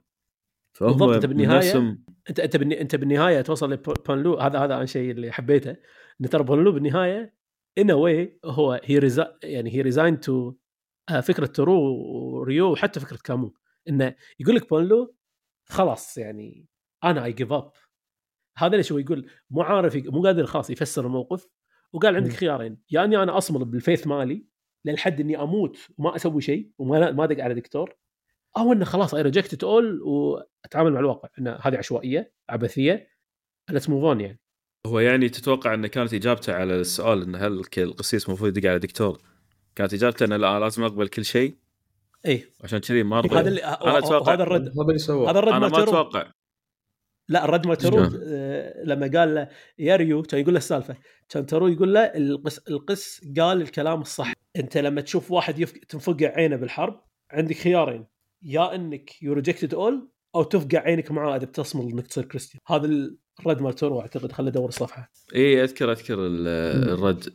بس يعني يا أنا ما أدري يا انه هو فعلا اتفق مع هالشيء آه، القسيس. نفسه أو إنه كان قاعد يعاقب نفسه على اللي كان يقوله أول شيء. لأنه هو يوم شاف معاناة الطفل قال أنا يعني شلون يعني حكمت على الناس اللي ماتت إنهم غلطانين. هي ترى هم جزء من القصة فكرة انه شلون أنت تحكم على الناس واللي هي يعني الفكرة العامة مالت تارو انه شلون أنت تحكم على. الناس انه تستاهل تموت ولا لا. وهو بداية القصة كان يحكم على الناس إن هذول يستاهلون يموتون لانهم مسوين شيء غلط. فلما حكم على ياهل إنه لازم يموت تغيرت تقريبا حياته يعني تغيرت لا فكرته. بس أنت سمعت سمعت إيش قال بالخطبة؟ الخطبة قال فيها جملة حيل مهمة كانت key اللي هو قال الجملة اللي I dare to say بس I'm gonna say إن إحنا لازم نتمنى إن الطفل يموت. في في لقطة بالخطاب ماله هو قال أشياء متناقضة بس أنت تلاحظ ان في مستوى في شيء قاعد يقولهم. خلينا نقول انه هو قاعد يد- يدفن بنص الخطاب. في جزء منه يقول آه لا آه يعني في حل حلين. حل إنه تؤمن بال absurdity نفس ما كامو يتكلم وتصمل إن هذا الواقع وأنت ما تقدر تفسر وت- وتشتغل. بس في جانب ثاني يقول إذا أنا بصير true يعني true Christian أنا لازم أقبل مو بس أقبل أتمنى موت الطفل مثل ما هو آه يعني هذه رغبة الإله. وقال إنه we have to accept humiliation مو بس we accept humbleness قال we accept humiliation نقبل الإهانة على روحنا بالوضع الحالي دام هو هذه رغبة رغبة الكون. فهو أنا أتوقع إنه كان قاعد يقول إنه في خيارين. يا إنك توصل مرحلة you rejected all اللي هو آه تصير absurdist وهذا اللي تقريبا بالبداية كان يلمح عليه أنت المفروض you fight المفروض ما نقبل المفروض نستمر. أو إنك تاخذ الخط الثاني لا أنت تقبل بموت الطفل وتتمناه. يعني هذا اللي فهمته أنا. هذه هذه أعتقد ال- ال- اللي تبلش إن إن دين ال- الوباء مو نفس دين الأيام العادية يعني. لا إيه. تتعامل مع اي عدل عدل إيه. هذه كانت ترى جملة وايد حلوة إن دين الوباء يختلف عن دين الأيام العادية يعني أنت الدين بالأيام العادية تعاملك معاه مو نفس تعامل الناس مع الدين مع الوباء كلش يعني. خاصة يعني لما عود. إي يعني أنت كل يوم قاعد تتواجه مع الشيء فطبيعي إنه تتعامل معاه بطريقة ثانية. كنت بتكلم عن شخصية كوتارد شوي. تكلمنا عن إيه، بانلو قل. تقريبا وريو وهذا. آه شخصية كوتارد يعني هو ما قال شنو جريمته بس أنا أشوفه هو شخص كان آه عنده عنده illness already هو عنده mental illness يمكن هو كان شخص وحيد. يمكن كان شخص حاس إنه معزول عن العالم أساسا. لما صار فترة الوباء حس نفسه إنه هو خلاص في ناس نفس معاناته. الكل قاعد يعاني نفسه. فاستانس على هالوضع هو. طبعا هو كان في إجرام يعني كان يهرب آه، أشياء وكذا. كان بيهرب رامبرت برا المدينة. بس أحس إنه هو الوصف ماله والتشخيص الشخصية يعني مالته كانت تتكلم عن واحد وهو لأنه بالبداية كان بينتحر. كان حاسس إنه دائما إن الشرطة قراب عليه إنه بي- بيمسكونه. وحتى بالبداية لما بينتحر كان يقول لنا ليش أصلا ليش بتدقون على الشرطة؟ كان خايف من الشرطة.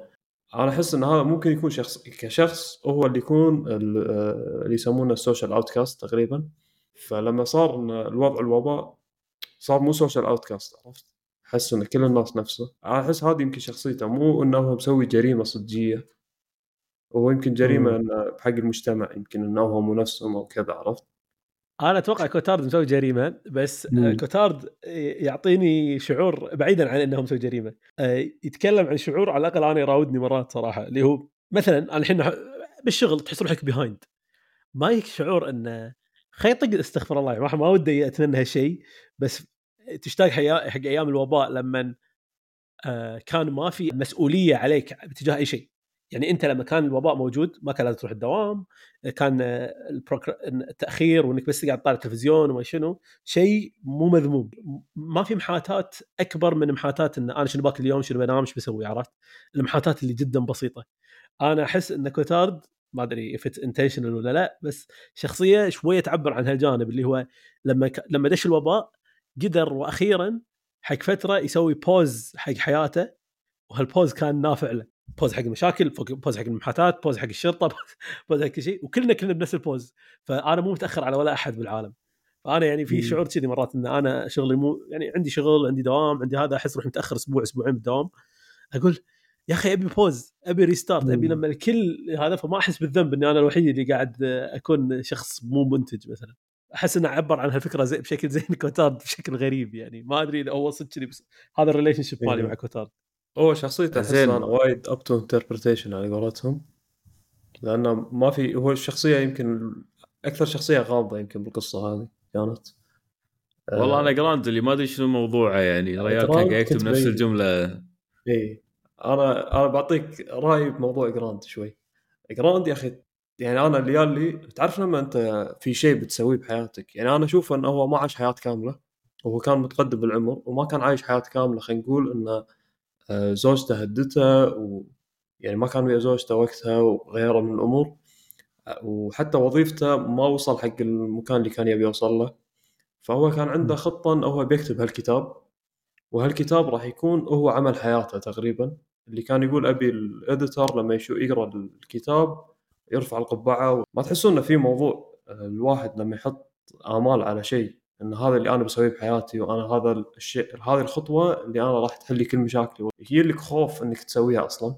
اولا أنت حاط وايد آمال على هالشيء. تحس يو- يصير فيك overthinking على الموضوع على الخطوة هذه. بعدين في هم بالمقابل إنه صدق لو انت تسويها وتنجح فيها عرفت؟ بعدين إيش بسوي مثلا؟ أحس هذا اللي خلاه وايد يعيد كتابة أول سطر بالرواية مالته أكثر من مرة حلله وايد. أحس هالشيء يعني موجود بهالشخصية عرفت؟ ما أدري أنا وايد حللت الشخصية يعني زيادة عن لا لا أنا أنا صراحة ما فكرت فيها كذي. بس صح صح. اعتقد إيه. أعتقد مبين إنه هو شخصيه ما أخذت initiative كلش وجزء كبير من مشاكله مع زوجته إنه هو شخص ما ياخذ initiative صار إنسان مو interesting بس. هو موجود وهو فعال بالمجتمع بس عنده مشكلة بال communication عنده مشكلة بأنه وايد يتردد عنده مشكلة إنه. وهذا الشيء خلاه بنفس المكان خلاه ما يقدر يتجرأ يكتب ما يتجرأ يغلط آه لأنه هو إنسان آه ما يحاول يأخذ الخطوة الجاية بس آه أنا هم أشوف جراند يعبر عن شيء ثاني بالقصة يعني يعبر عن شيء بسيط اللي هو الشخص الطبيعي في المجتمع فاهم علي اللي قاعد يسوي الأشياء العادية اللي ما حد يفكر فيها وشلون هو تأثر بالجائحة شنو علاقته فيها شلون هو كان يتعامل مع هالمعلومات اللي كانت آه، تعب وايد ناس وفي اللحظة اللي يبكي فيها أظن بال- بال Christmas. day تلاحظ إنه إيه. هو متماسك ومو مهتم باللي يصير بالعالم وإنسان طبيعي و... يعني هي doesn't overanalyze العالم وأعتقد. إنه هو الشخصية الوحيدة اللي كانت تعبر عن هالشيء يعني رامبير كان مثلا الشخص المتغرب كوتارد كان المجرم آه، تارو كان شخص خلينا نقول عنده آراء pacifist شوي ريو كان طبيب ويعني فعال أساسي بالمجتمع. فأحس إن هذا الشخص تحديدا آه، يسمونه جراند كان يعبر عن الشخص اللي لا هو جزء جزء من المجتمع يسوي الوظيفة الطبيعية حياته حدها رتيبة و... وعايش مشاكل الإنسان الطبيعي. شلون هو عاش بالجائحة هذه؟ فهذا ليش هو كان ممل كان ممل نفس شخصيته يعني نفس نفس الشخصية اللي قاعد يعبر عنها أنا أعتقد جراند. على العموم أنا ودي ودي ناخذ ناخذ هذولي ونوجهها حق تارو شنو قصته بسالفه إنه كان يقول العالم عبارة عن plagues وعن victims وأنا أرفض إني أكون plague والناس يعني وهني كان يحاول يتكلم عن الإعدام. ما فهمت هو في م-. في مقطع حق تارو يتكلم يقول أنا يعني مرت علي فكرة انه لازم يكون في شوية قتل عشان نمنع القتل كله بس هو مو مقتنع فيها أساسا. يقول أنا ما أبي أكون حتى جزء من هذه. فهو ما أتوقع إن الج- الجزء الأكبر منه انه هو يبي يطلع نفسه من ال- الذنب هذا. من إن أنا أشارك حتى بشوية قتل لأنه الفكرة رافضها. وهذا من تجربته يعني هو شرح تجربة حقه إنه كانوا قاعد يعدمون ناس أصلا إنه كانوا مو زينين أو مجموعة ربلز كانوا ضد نظام وحوهم أو عدموهم يعني وشرح الوضع لما هم قاعد يعدمونهم هني اللي حس إنه يمكن إنه حتى هذول أنا ما بذبح ما بشارك ان أنا أذبح الناس. آه، في shoutout صدتوه طبعا ها اللي سوى shoutout حق The Stranger قال انه في كانت قاعد تتكلم واحدة عن جريمة صارت بشاطئ بالجزائر. هذه كانت حلوة هذه كانت حلوة. إيه، توني. توني ود وإحنا ما ليش سولفنا ذكرت الموضوع هذا إنه أيوه سوى shoutout حق. Stranger حق شخصية ميرسو. هذا بيجرني حق السؤال اللي أنا سألتكم إياه. آه، تشوفون في contrast بين ريو وميرسو؟ هل هل هم متش... يعني ميرسو شخصية Stranger هي شخصيته الرئيسية وكانت تعبر عن كامو شوي. ويبدو إن ريو هم شخصية تعبر عن كامو شوي. هل هم متشابهين حيل؟ هل مختلفين؟ ما أدري. هل أصلا هي مقارنة fair ولا؟ أنا أشوف إن ميرسو يعني بعد ما قرأت الكتاب أتوقع إن ميرسو كانت شخصية مو واقعية وفكرتها كانت بس إنه تشرح فكرة معينة واحدة بس إن هي العبثية مالت الح- الحياة وبس يعني بس هذه الفكرة. أما قصة آه، شخصية ريو هي متكاملة أكثر كشخصية. إنه هو اللي كان يحاول يتعامل مع أكثر من جانب بالحياة لو تقول لي منو الشخصية اللي ت... يعني تطرح فكرة كامو أكثر أوكي يمكن فكره العبثية نفسها ال Stranger واضحة أكثر بوايد بس كتعامل تا... شامل. مع الحياة أنا أنصح ب The Plague أكثر من The Stranger بوايد بالضبط يعني نفس ما قال قفاص هو يمكن ميرسو يجسد لك الفكرة الأساسية وال extreme آه، بينما ريو يقول لك شلون تتعايش مع هالشيء عرفت؟ أكثر. ما ما أعتقد كامو كان قصده ان إحنا لازم نعيش حياتنا نفس ميرسو عرفت؟ لا يمكن ريو هو الشخص اللي لازم تعيش حياتك مقارب حقه أنا أتفق وياك إن كامو ما كان يمجد حياة ميرسو حتى بالنهاية يعني. نهاية الكتاب يبين إنه هو عنده انتقادات على الشخصية. بس أنا أشوف إن الشخصيتين هم كامو. بمعنى. إن كامو ترى لازم ما ننسى إنه كتب The Stranger عمره شيء 20 كان صغير. صح. أوكي هاي بعدها يمكن بست ست سبع سنين. أنت تقدر تشوف ال evolution مال شخصيه يعني لو أنا بتخيل إن كامو هو ريو وبتخيل إنه هو ميرسو راح أقول لك إن هذا ال arc مال آه، كامو بالحياة. كامو مم. بلش شاب صغير عنده عنده مشاكل الحين قاعد يشوف العبثية وقاعد يحاول يعلق عليها وكذا بس بعدين بعدها دش التجارب اللي هي تجارب آه، مثقفين وقام يقعد بقهاوي مع سارتر وغيره وقام حاول يدخل أظن آه، ما أدري عاد إذا قبل قبل The Stranger ولا بعده بس آه، دخل جمعيات دخل صار جزء من مجموعة مناهضة أو معارضة وكتب كتاب The Rebel مع The Plague فأنا أحس إن The Stranger كان في missing parts من فلسفة كامو ورؤيته حق الحياة. أنا أشوف إن رؤيته نفسها يمكن هي كانت ناقصة. مثل Sisyphus. The Stranger لكن شخصيتك بلشت تتبلور أكثر وتكتمل بريو وأنا أتفق مع القفاص انه تحس انت The Stranger وايد one dimensional الرواية. أنا أتوقع الحين لو يعني إحنا ما ما قررنا نقرأ The Rebel بس أنا أتوقع انه لو نقرأ The Rebel بنشوف ال edition الجديد مال The Myth of Sisyphus اللي هو أكثر practical أكثر تعامل مع العالم أكثر تعامل مع المجتمع مو بس تعامل الشخص مع العالم بس تعامل شخص مع العالم ومع المجتمع. فأنا أتفق إنه وايد في dimensions جديدة. كان كأن The Stranger كانت آه، إجابة على سؤال آه، أحادي البعد بعدين هذا الجزء يعني متعدد الابعاد علاقة الفرد مع العالم عبثي بس هم علاقته مع الأفراد اللي حوالينه وهم عندك آه، يا أخي أنا ما أدري أشوف تعاطيه مع با- بانلو كان. أكثر mature من تعامل آه، تعامله بروايه The Stranger مع القس. The Stranger كان confrontation بين فكرتين فكرة مم. عبثية وشي وفكرة واحد دين. بس آه، طبيعة The Plague حط ال- هو جاب two characters شخصيتين أو مجموعة شخصيات بس هالشخصيتين تحديدا اللي هم بانلو وريو اللي هم نفس علاقة ميرسو بالقصة بالقصة الأولى. لكن هالمرة حطهم بسيناريو إن هم اثنيناتهم عاشوا نفس الحياة. فأحس إنه كان تعاطيه مع الموضوع أكثر دقة mature أكثر طريقة آه، فهمه حتى حق بانلو كانت كانت ناضجة أكثر من طريقته بالتك... لما تكلم بالمرة الأولى على موضوع الإله وال...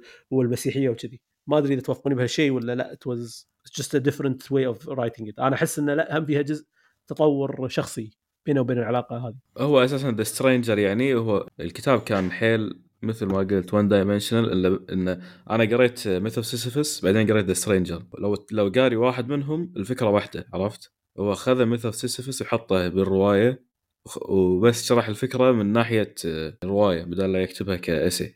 أنا هذه يعني الشغلة اللي لاحظتها بالكتابين. بس آه، لما تروح حق رواية The Plague لا الواضح انه في فكر فكر أكثر وفي اكتمال أكثر حق فكرته. فرسمي إنه لا الكتاب الأول هو فعلا كان بدايته بعدها فكرة تغير أو صار يعني حسن آه، أفكاره. هي يعني كنا أول حوار يعني بين آه، ميرسو والقسيس مال The Stranger تحس كنا هذا رايح بطريق وهذا بطريق يعني ما حد فكر بالطريق الثاني أصلا بينهم. أو إن هذا وايد مصمم على فكرته كان. وما تحس إنه في مجال أصلا إنه يغير رأيه بالموضوع بينما بانلو شوية حسينا في تغيرات بنظرته حق الأمور يعني. كنا كأنك مو كنا عندك رأيين مختلفين ما صار بينهم حوار عرفت؟ بقصة The Stranger ما صار بينهم حوار طور آراء بعض يعني حق الموضوع. بينما ب The Plague تحس هذول ناس كانوا مطلعين على الجانبين من القضية. صح وت- وتحس أنت أصلا من لما يتكلم عن بانلو عطى مساحة هاي بروايته يعني to be fair هذا شيء جبار إنه عطى مساحة كبيرة حق الرأي المخالف حق يعني هو كامو واضح إنه ما يبلع الرأي مال. حتى تعليقات ريو تعليقات ترو على الموضوع واضح إنه هو يسفه من هالرأي حيل بس أنا مم. أشوف انه بروايته الثانية هاي The Plague عطى مساحة حلوة إنه يكون okay how would شنو شلون لو واحد استمر على الخط التقليدي يقدر راح يصير له evolution أو راح يصير له تطور حق رايه ضمن إطار dy- dynamic يعني أنت تقدر تشوف حتى ريو احترامه حق بانلو مختلف عن احترامه حق الشخصية. الأولى يعني ميرسو كان حيل مو محترم القس ذاك مم. هني لا يعني تقريبا فهم معاناته حتى كان وده يعالجه ظاهر وصل له آخر شيء صح؟ يا يا لك اي وصل عند الموت اي. فإنه مو مو, مو ال- حاله التسفيه وأنا مثل ما قلت لكم أنا شفت ترو هم يعبر أجزاء من كامو وكان في شوية tone في لهجة مختلفة بالتعامل مع الموضوع. يعني كان يقول لك أنا يحاول يفسر الرأي المخالف. آه فاي أنا أشوف إنه طبعا هذا ما يقلل ابدا من عظمة The Stranger و Myth of Sisyphus وأنا شخصيا استمتعت فيهم أكثر من The Plague يعني على المستوى الشخصي بس The Plague تحسه راسي أكثر يعني بهالقضايا. The The Stranger يمكن لأن أول آه، أول شيء شفته حق الفكرة نفسها هذه. أنت الفكرة عجبتك يعني بالنهاية؟ عرفت؟ فيمكن لأن أول شيء شفناه حق كامو كان في انبهار بالبداية حق الفكرة صح. بشكل عام. يمكن كان فيها ال factor ما أقول لك إن هذا هو اللي أثر. بس كرواية كرواية أنت لو تروح تقول حق أحد أبي أقرأ رواية. إحنا بالنسبة لنا عند للحين أنا عندي Stranger يمكن أحسن. يعني لأن تأثيرها علي لما خلصتها ما يتقارن مع The The Plague ما يتقارن ابدا. بس The Plague كرواية هي يمكن تكون أحسن حق الأشخاص اللي ما يقرون الرواية حق فكرة العبثية يبون يقرونها عام رواية، مو بس. عامة. إي إي. فأنا هنا أقول لأ The Plague إذا واحد بعطيه رواية يقول لي أقرأ أي واحدة؟ أنا مو قاري حق كامو من قبل. راح أقول له روح اقرأ The Plague وايد أحسن لك. ترى يمكن ترى وايد ناس يعني لو تدخل على review ات The Stranger في اثنين في نوعين. نوع يقول لك هذه أحسن رواية بالعالم يقول أنا قريتها ما أدري إيش السالفة. فموجود. النوعية الثانية بس ما أتوقع إن The Plague نفس الشيء موجود. Stranger رسمي. وايد ناس قروها من أولها لآخرها. ما أدري إيش قاعد يصير أصلا. واساسا المفروض يكون لها prerequisite يعني قبل لا تقرأ Stranger لازم تعرف أنت شنو Myth of Sisyphus لازم تعرف شنو صح. الفكرة اللي قاعد تقرأ عنها. لأن إذا ما تعرف ما, ما راح تقرا أصلا أنت ما راح تطلع بالفكرة لما تخلص الكتاب. وهذا انتقاد واضح على- على The Stranger انه إذا أنت ما عندك الفكرة العامة مالت الكاتب صعب تطلع بالفكر بالناتج اللي هو يبي أما The Plague لا أنا أشوفه بالعكس وايد واضح. حتى الشخصيات. نفسها تصرح لك عن أفكارها بشكل مباشر وتطبقها قدامك وتعيشها. فأنا أقول The Plague كرواية أتوقع أنها أحسن من The Stranger مع أن The Stranger أفضلها لاسباب شخصية. في زاوية ما أدري بس أنا أحسها. كامو ليش كل رواياتها تحس المكان غبار ورمادي وتبي تموت. حتى ب The Fall تحس ضباب. والبيت آه، شوية تعرف المكسر أنا بس الوحيد اللي يتصدر لي الشعور لأنه مستحيل يعني. كآبة مو طبيعية الأماكن اللي يوصفها. يعني رواية The Fall هي ترى اللي حدد هالشيء لأن رواية The Fall بهولندا The Fall بهولندا يعني. هذول أقول روايات يعني بالجزائر كان أو ال setting مالهم. هذه بهولندا هم سووا لك نفس الثيم عرفت؟ وايد وايد كئيبة. وايد ركز على الفار. يا أخي كان كان يقول لك الفار طايح الفار لسانه طالع. أنا أعتقد في في فيلم حق الرواية هذه صح؟ المفروض صايرة فيلم يعني أو أفلام على الأقل شفت هذه الحركة هذه حركة أفلام أصلا عرفت إنه يحط لك فار قاعد يطلع ويموت وبعدين لما يروح يقول حق مال ال- العمارة إنه والله في فار ميت وهذاك يستغرب وهو رايح يقول له اياها عادية عرفت إنه في فار ميت فوق بس بالغ بكمية الفيران يعني ترس الد... ترس الشارع فيران اللي أنا قاعد. يعني وصل مرحلة إنه لا تكفى مو هالكثر إيه. okay حط فيران بس وصل مرحلة فيها الفيران الكثر ما في. أرض. اي يعني ما كان في أرض. أنا يعني قمت أقول لحظة إيش قاعد يصير يعني؟ هم الحين لازم يذبحون فيران كلهم zombies المفروض. مو انه.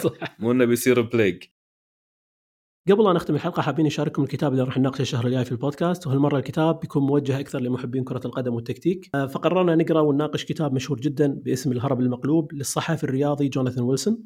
وهني بتكون نهاية الحلقة. شكرا لحسن استماعكم. كان معكم يحيى المؤمن وعلي القفاص وعلي نجم من بودكاست Review 205 لا تنسونا من ال like وال share وال subscribe في المنصات المختلفة.